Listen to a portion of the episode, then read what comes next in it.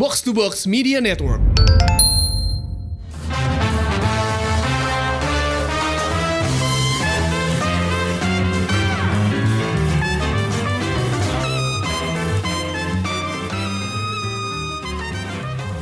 Halo, halo, selamat datang di Shopbox Podcast dengan gue Lisa.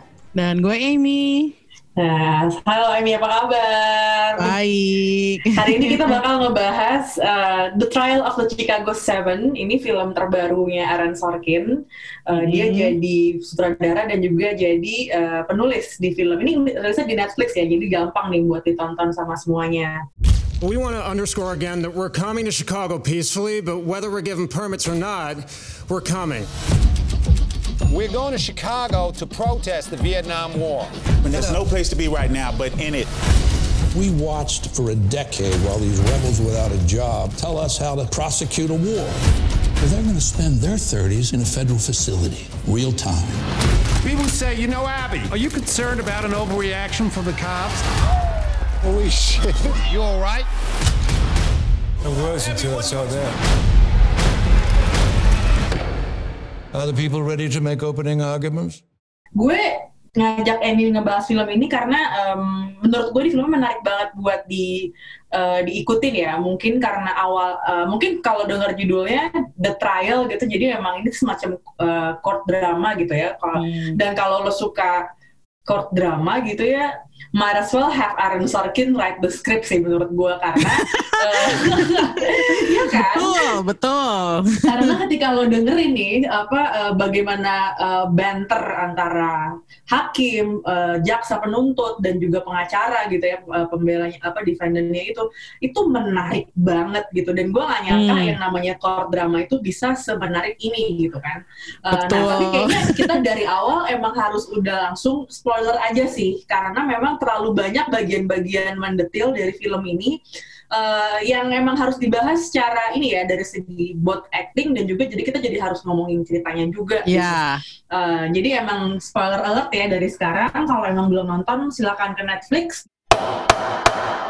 Film ini soalnya yang main gila banget. Jadi eh gue nggak tahu sih ini bokeh apa enggak ini kayak kayak Marvel atau kayak DC tapi kayak wow oke ada Eddie Redmayne ada uh, Alex Sharp ada Sacha Baron Cohen ada Jeremy Strong ada juga John Carroll Lynch um, Fra- Frank Langella ada JGL tentunya uh, sebagai Tom Schultz gitu. Terus ada juga Mark Rylance ada juga Michael Keaton gitu kan. Uh, wah gue nggak tahu sih banyak banget. Dan kalau lo sering nonton ini ya terutama uh, mungkin ini levelnya uh, lebih yang bukan yang movie star movie star banget gitu tapi mungkin kalau lo sering nonton series atau sering nonton em, apa ya drama-drama uh, dari Amerika drama-drama lo akan- serius.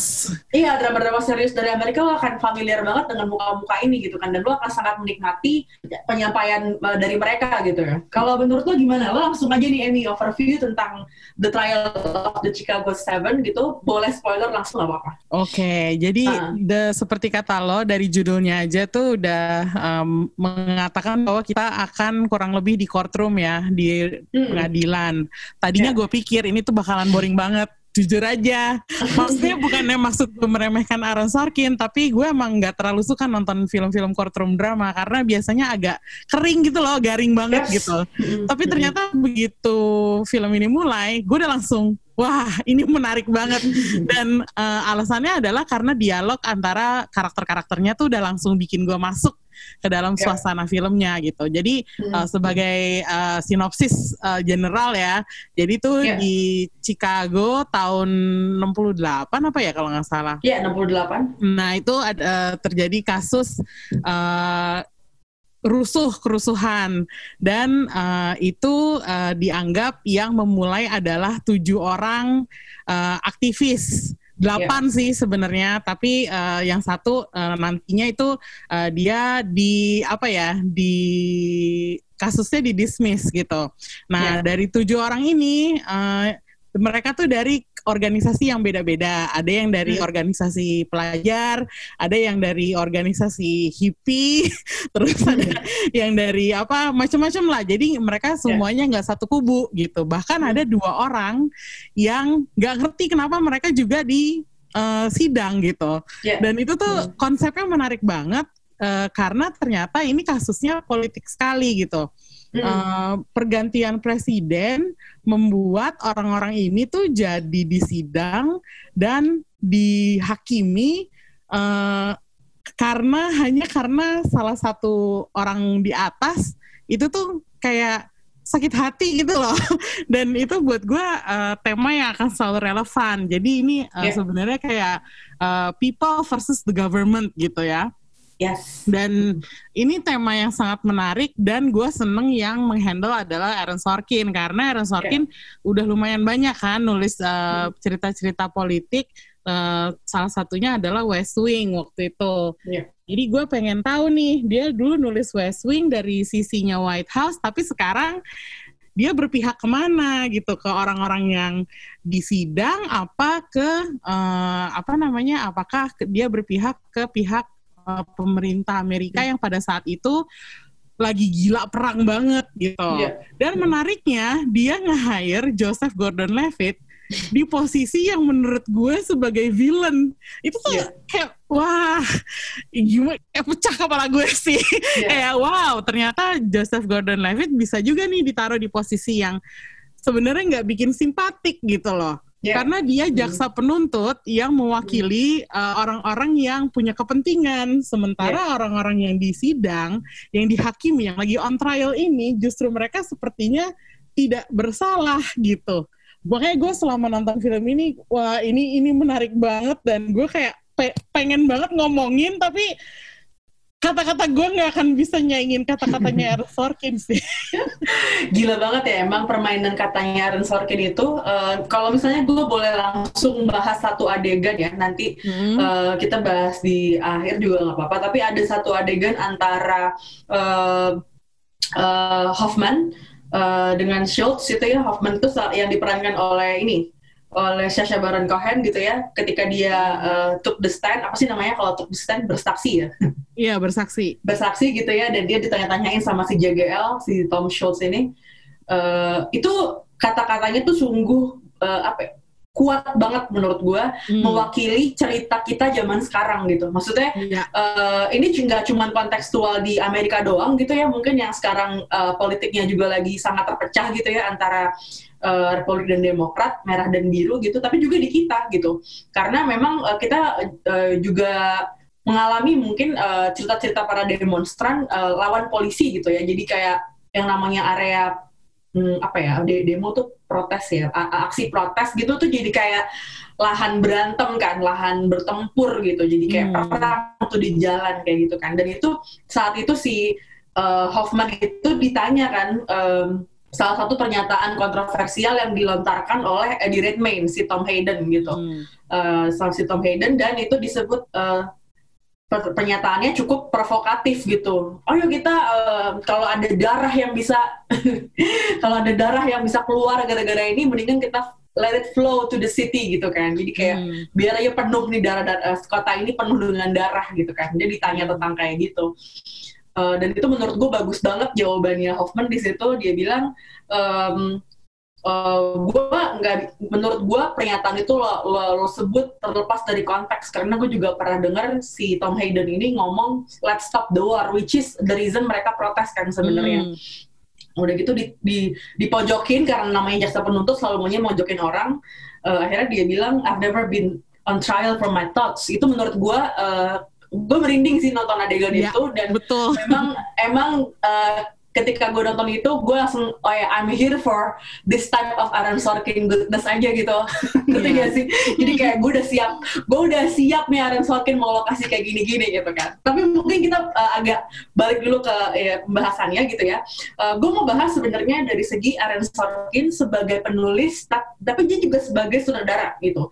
Karena hmm. kalau uh, menurut gue film ini uh, seperti biasa script tight dan sangat um, uh, menarik buat diikutin. Hmm. Buat lo yang nggak suka sama gayanya Sorkin yang pasti ngomongnya cepet lah, iya. pasti gue udah nunggu-nunggu tuh mana nih adegan dua orang ngomong bareng. Yeah. beneran ada, beneran ada. Gue bilang of course, of course. Of course. Cuma nggak apa-apa. I, I mean it was expected from Mas Sorkin gitu hmm. gitu kan. Tapi sebagai sutradara menurut gue cara penceritaannya tuh eh, agak ini nggak sih agak acak-acakan nggak sih? Gue agak-agak bingung. Karena film ini dimulai dengan JGL sebagai eh, jaksa yang lagi dikasih kasus gitu kan. Ini lo Hmm. harus menang nih lawan ini gitu kan. Dapat tekanan dari bosnya lah dari lingkungan kerjanya gitu. Mereka nih perusuh di Chicago gitu kan.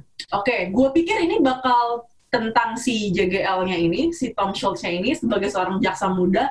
Mungkin either he will bring a change dia mungkin ngerti nggak sih? Jadi kayak good guy in the bad environment something like that gitu kan and then suddenly mereka dia tuh hilang aja gitu tiba-tiba kita iya kan terus kita jadi ngomongin si uh, karakternya uh, ya antara Tom Hayden dan uh, Abby Hoffman ya antara karakternya Eddie Redmayne dan karakternya Sacha Baron Cohen yang paling Hmm. yang paling kuat lah di antara Iya. bertujuh itu mereka Hmm. berdua ya selain Bobby yang juga uh, terdakwa tapi nggak punya pengacara tapi tetap di eh, di apa dicuekin lah sama hakimnya Hmm. tentang kead- itu sebenarnya cukup eh, boiling juga nonton eh, Iya. hakim. Siapa sih? Frank Frank Langella bagus banget. Iya. gila sebagai hakim yang nyebelin apa yang pengen gue pengen gue garap gitu. Nah itu menurut gue agak-agak eh, ini nih mungkin dia agak-agak keteteran sebagai director I don't know. Menurut lo gimana Kalau gue surprisingly nggak keberatan karena mungkin Hmm, gue oke. udah mindset gue karena gue menonton film Sorkin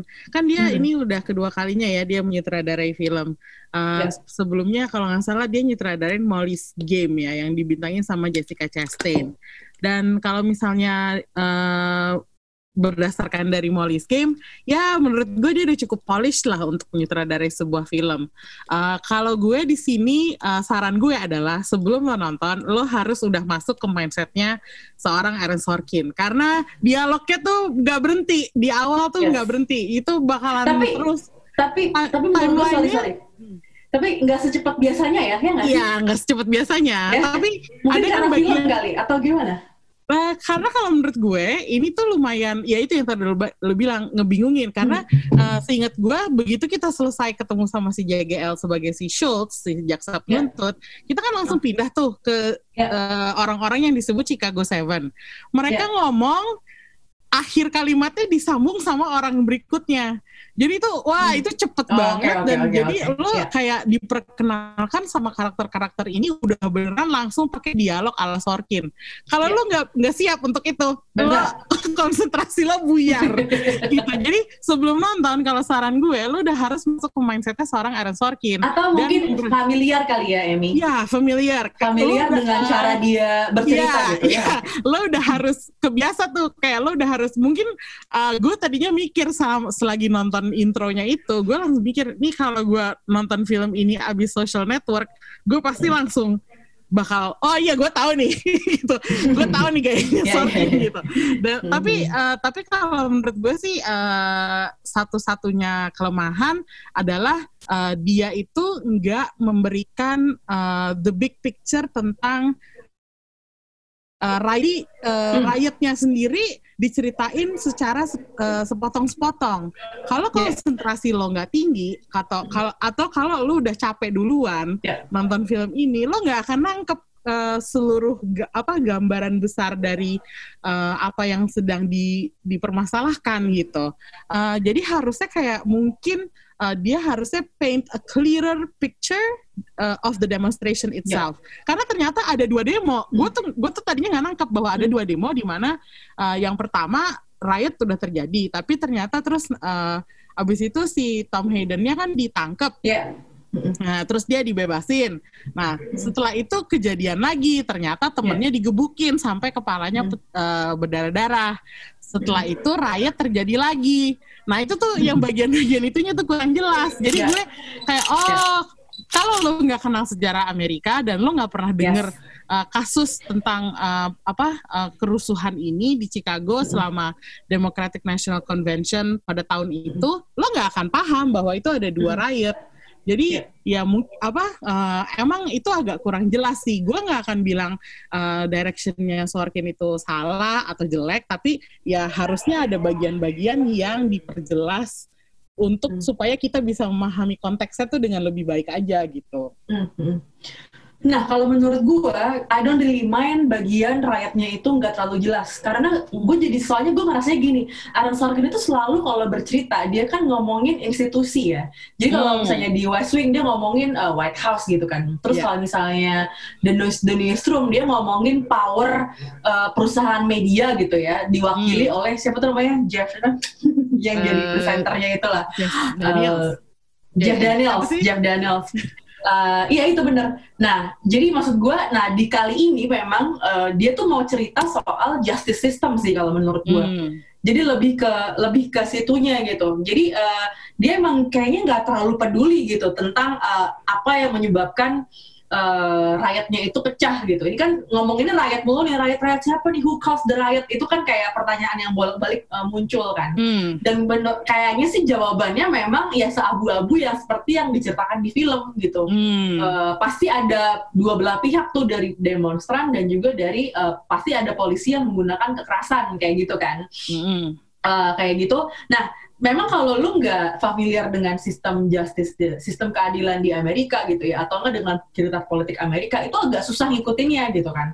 Tapi eh, di sinilah ke- ke- keunggulan Sorkin menurut gue karena benar-benar eh, dia itu menghadirkan banter antara eh, pihak ya eh, protagonis dengan antagonis lah ya dengan yang apa good and evil gitu ya itu beneran menarik banget buat diikutin gitu menurut Iya. gue ya Eh, jadi memang eh, dia tuh mau fokus menurut gue ke institusi gitu jadi emang Hmm. eh, kan bolak-balik si tokohnya Abby Hoffman tuh bilang ini ini tuh political trial gitu terus si ya, orang-orang yang ngerti hukum yang bilang kagak ada political trial adanya tuh sipil sama kriminal. Kan emang bener kan?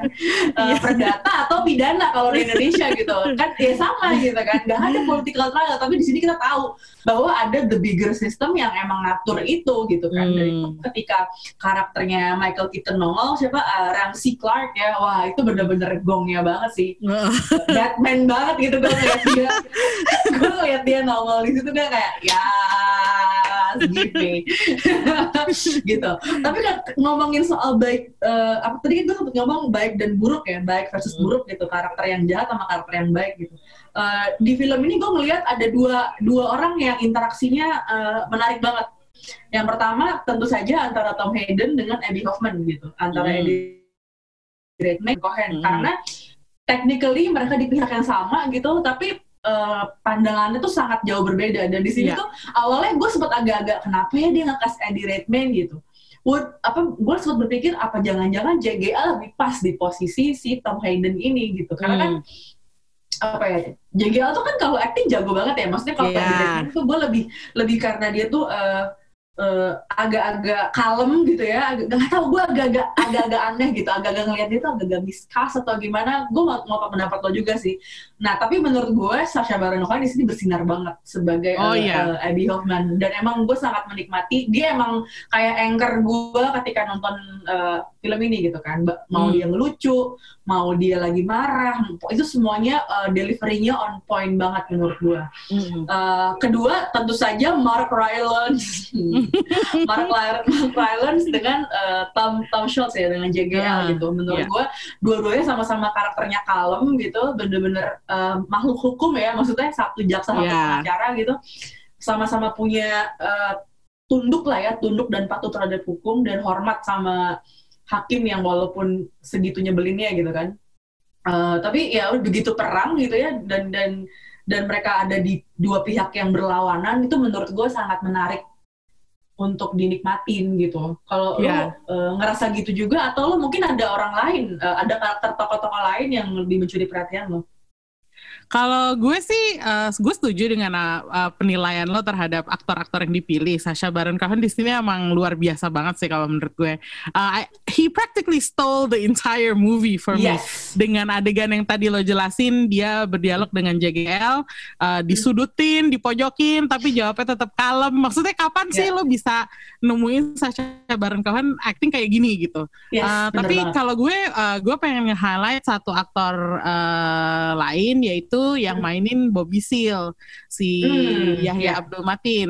Karena Ya. kalau menurut gue uh, imagery yang ditampilkan oleh dia meskipun perannya nggak gitu banyak ya dan dia Hmm. kebanyakan cuman teriak-teriak bahwa dia nggak punya lawyer, dia nggak punya lawyer. Tapi kalau menurut gue itu sangat powerful dan menggambarkan apa ya eh, betapa eh, ketidakadilan sosial itu itu bener Amerika terhadap eh, warga negara mereka yang berkulit hitam. Dan itu powerful banget ketika akhirnya dia udah digebukin. Dan satu courtroom itu cuma nungguin dia digebukin aja loh. Ya, kayak mereka ya. kayak tampangnya tuh pada kayak nggak kayak awkward dan uh, disturbed. Terus Ya. ketika akhirnya dia masuk lagi udah diborgol di Hmm. apa tang- tangannya diborgol kakinya diborgol dan bahkan dia mulutnya disumpel sama kain itu wah itu gila banget sih Ya. dan apa ya eh, ceria tuh kuat banget dan Hmm. apa gue tuh kayak I was rooting for his character karena itu tuh beneran nggak etis banget bahwa dia ada di situ tanpa representasi seorang lawyer tapi judge-nya si Frank Langella juga ya sepertinya kita juga harus memuji Frank Langella di sini karena dia berhasil Yes. nampilin sosok seorang judge yang goblok yang aduh udah nggak karuan deh apa istilahnya unqualified ya? Iya, unqualified. Maksud gue, oke, eh, Eddie Redmayne sama si eh, Sacha Baron Cohen dan JGL dan Mark Rylance, they're all perfect. Cuman kayak Yeah. kita harus nyebut juga nih dua orang ini si Yaya Abdul Matin sama si Frank Yeah. Langella tuh dua-duanya juga emang kayak mereka berhasil agak Mm-mm. eh, berhasil apa ya nampilin ses, eh, imagery yang kuat yang gue sampai sekarang sih masih teringat sih. Ya.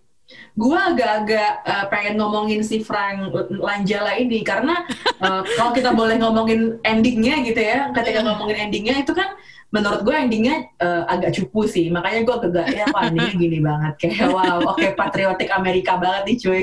Uh, cuman uh, ngerti nggak? Gue agak Iya, "Ah, iya. oke sayang nih endingnya begini gitu, udah agak udah bagus kan ceritanya. Uh, dan itu um, karakternya hakim yang diperankan oleh Frank Langella itu bolak-balik ketok-ketok itu I, I I want order kayak gitu-gitu kan. Iya, Dan order. Gak berhenti-berhenti gitu. Gue agak-agak ini agak lebay sih kalau gue jadi hakim mah ya udah gue udah tahu nih semua orang gak bakal nurut sama gue gitu ya udah ya gitu.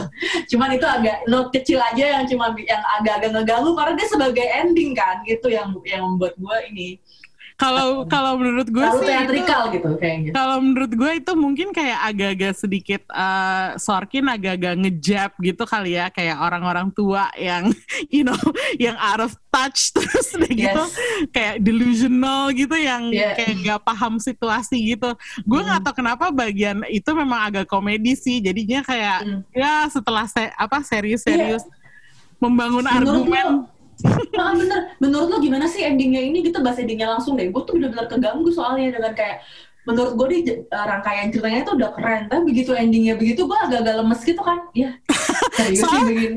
Soalnya Tapi kayaknya tahu deh, lo punya pandangan lain gak tentang endingnya? karena karena kalau menurut gue eh, endingnya tuh cukup eh, jadi sejarah aslinya cerita aslinya Hmm. eh, kejadian yang beneran terjadi adalah mereka dihukum kan mereka masuk penjara Hmm. lima tahun Lima dan mereka nggak dikasih retrial meskipun mereka Hmm. sudah mengajukan banding jadi Hmm. kayaknya ending yang dipilih sama Sorkin eh, bahwa eh, si Tom eh, Hayden membacakan Hmm. nama-nama prajurit perang Vietnam yang udah gugur itu satu-satunya cara gimana dia bisa menyelesaikan film ini tanpa rasa kekalahan.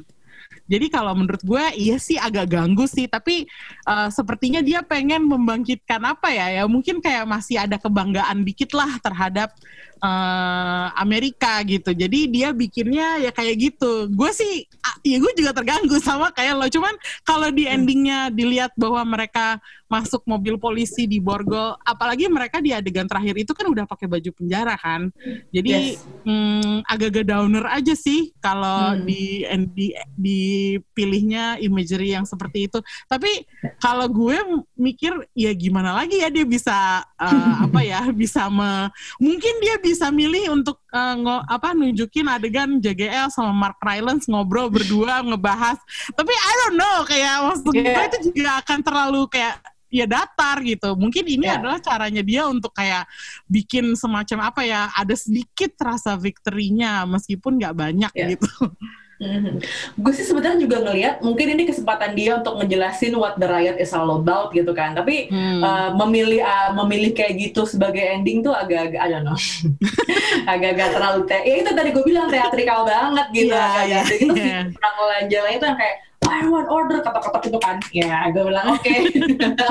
Tapi kan ini mulai. film ini film Hollywood list di belakang harus ada Oke. tepuk tangannya. Bener-bener harus ada yang mengacungkan tangan gitu ya. Kata gue, oh si drama gue bilang. Iya iya iya iya. Harus ada yang kayak gitu kalau di film Iya. Amerika.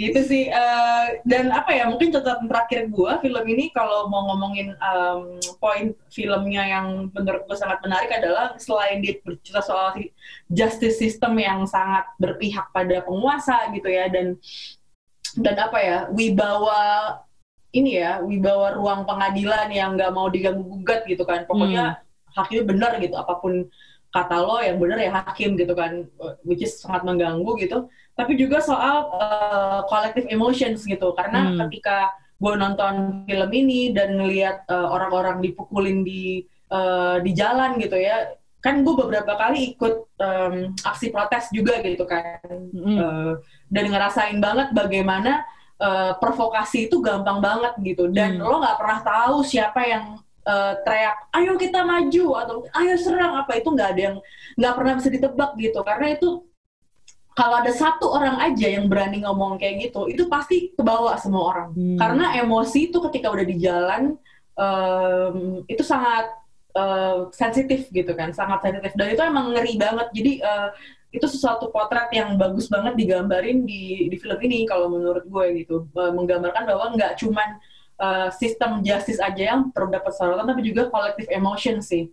Um, ya karena lo nggak akan pernah tahu deh ke, uh, apa yang harus lo lakukan ketika lo berhadapan dengan uh, orang-orang yang sama-sama protes juga dan bisa terjadi kerusuhan kayak gitu Iya. lo ada catatan terakhir nggak sebelum uh, kita ending episode kali ini Oke, kalau catatan gue cuman bahwa ternyata ini bukan film pertama yang dibikin tentang uh, kasus ini ya, The Trial of Chicago Seven ini. ah oke. Uh, itu bukan ini bukan film pertama yang dibikin. Dan uh, dari tahun-tahun sebelumnya bahkan dari 2007 apa kalau nggak salah itu udah ada sebenarnya film Hmm. uh, maksudnya film uh, scripted yang apa yang bernaskah dan uh, didramatisir ataupun dokumenter ada juga dokumenter yang membahas Abby Hoffman aja ada juga dokumenter yang membahas tentang uh, kasus riotnya. Jadi kalau saran gue sih kalau misalnya lo tertarik dengan apa ya dengan kasus ini dan pingin mengetahui lebih lanjut mengenai detailnya siapa The Chicago Seven atau The Chicago Eight yang ditangkap ini ya tontonlah film-film itu. Daftarnya ada di Wikipedia gue udah cek. Dan gue kayaknya kayaknya gue tertarik sih pengen nonton dokumenternya kalau kalau bisa nemuin. Tapi kalau nggak bisa ya udah. Yeah. Karena sebenarnya film ini menurut gue bisa sebanyak ini bintang yang main, ya karena yang nulis dan direct Aaron Sorkin sih ya nggak sih? ya iya iya ya. Oh, semua orang mau kerja sama dia gitu. Padahal Oh, gitu. tadinya uh, proyek ini punyanya Spielberg loh. Punyanya Spielberg terus Wah, sayang banget. dilimpahkan ke Aaron Sorkin. Tapi kalau menurut gue Aaron Sorkin adalah orang yang paling tepat untuk bikin drama drama ini sih. Nah itu di situ kita nggak setuju itu ya, karena kan kalau lu nggak keberatan dengan directionnya dia gitu. Kalau Iya. gue script itu menurut gue udah deh, gue serahin gitu. Tapi direction ya, kenapa film-film dia yang itu yang kayak itu karena ada David Fincher misalnya, ngerti nggak? Oh, Jadi kayak iya, emang iya, I iya, think iya, he iya. needs uh, itu beda banget soalnya weightnya Oh, rasanya gitu. Oke Ngerti oke. nggak sih maksud gue? Iya iya iya, gue ngerti gitu. gue ngerti gue ngerti. Dan mungkin kalau ditanganin sama Fincher atau salah satu kandidatnya tadi Ah, kayak yang gue nah, baca itu. itu Paul Greengrass, endingnya nggak mungkin nggak kayak yang tadi Nah, itu kita maksud omongin gue. ya sih. Iya. Kayak mungkin lebih Jadi- solemn, lebih apa ya, Iya. lebih hikmat gitu. Ah, jadi lebih apa ya weightnya tuh lebih berasa gitu. I don't know. Hmm. It is just my, my point. Kayak Moneyball juga kan itu apa ya kerasa banget gitu. uh, Iya. Ketika skripnya emang udah bagus, terus yang yang yang ngedirect tuh juga bisa meramunya dengan cara yang lain gitu, Hmm. nggak terjebak dalam cara ceritanya skrip itu doang. Gitu sih Iya, kalau iya. gue. mungkin ada ada yang mungkin Spielberg merasa terpanggil untuk bikin filmnya sekarang setelah melihat hasilnya bikin Sorkin. remake-nya. Oke, itu dia tadi pembahasan kita soal The Trial of the Chicago Seven. Itu langsung ditonton aja di Netflix. Um, next kita bahas apa ya, Amy ya? Aduh, gak tahu Eh, lagi gue deh. sih, tadinya sih gue sempet propose kita bahas The Haunting of Bly Manor, tapi kayaknya ini belum kelar nontonin. Aduh, gue kalau si haunting-haunting serial haunting ini kenapa nggak selesai ya nontonnya ya? Yang yang dulu Eh, juga gue mau cerita dikit kali ya tentang eh, lo lo nonton yang eh, Hill House nggak tapi? eh, nonton tapi nggak selesai. Oke, jadi eh, kalau The Hau- ini kan yang bikin Mike Flanagan ya, dan Hmm. uh, tipikal cara berceritanya adalah uh, kemasannya horor tapi sebenarnya ini cerita drama uh, kalau yang Hill House tuh keluarga gitu kalau yang Hmm. Bly Manor keluarga juga tapi uh, ada love story-nya ada love Hmm. story-nya gitu not necessarily harus satu keluarga yang sama jadi gitu maksud gue Uh, dan itu yang membuat uh, apa selling point-nya ya jadi kalau kita ngelihat misalnya kayak American Horror Story ini kan yang yang main jadi uh, karakter Nell di The Haunting of Hill House dia main lagi di sini di The Haunting of Bly Manor. Jadi Oh. satu karakter yang bener-bener berbeda gitu. Nah itu yang Hmm. sempat gue agak kejebak karena awalnya gue pikir oh mungkin ini masih ada hubungan sama yang pertama gitu kan. Mungkin ini kayak beneran sequel atau prequel atau gue nggak tahu gitu kan. Karena kan dia sudah mati di, di series yang pertamanya gitu kan Eh, dan gue tuh kayak bingung sendiri kayaknya enggak deh. Dan bener jadi emang tipenya tuh kayak film apa sih kayak series-seriesnya yang ya kayak American Horror Story. Jadi eh, ceritanya beda pemainnya emang eh, sama lagi kayak gitu ternyata Hmm. Dan dan menurut gue ini manis banget sih Eh, nggak sengagetin series yang pertama karena yang pertama tuh bener-bener gue jump scare-nya tuh gila-gilaan loh Iya. bener-bener kayak Jantungan. jantung banget nontonnya Nah, kalau yang kedua tuh gue masih berani lah nonton sendiri di kamar gitu kan masih masih bisa masih bisa gitu. menarik sih gitu oke itu dulu kali ya bahasa kita kali ini thank you banget yang udah dengerin Showbox. Sampai jumpa minggu depan. Bye bye Bye.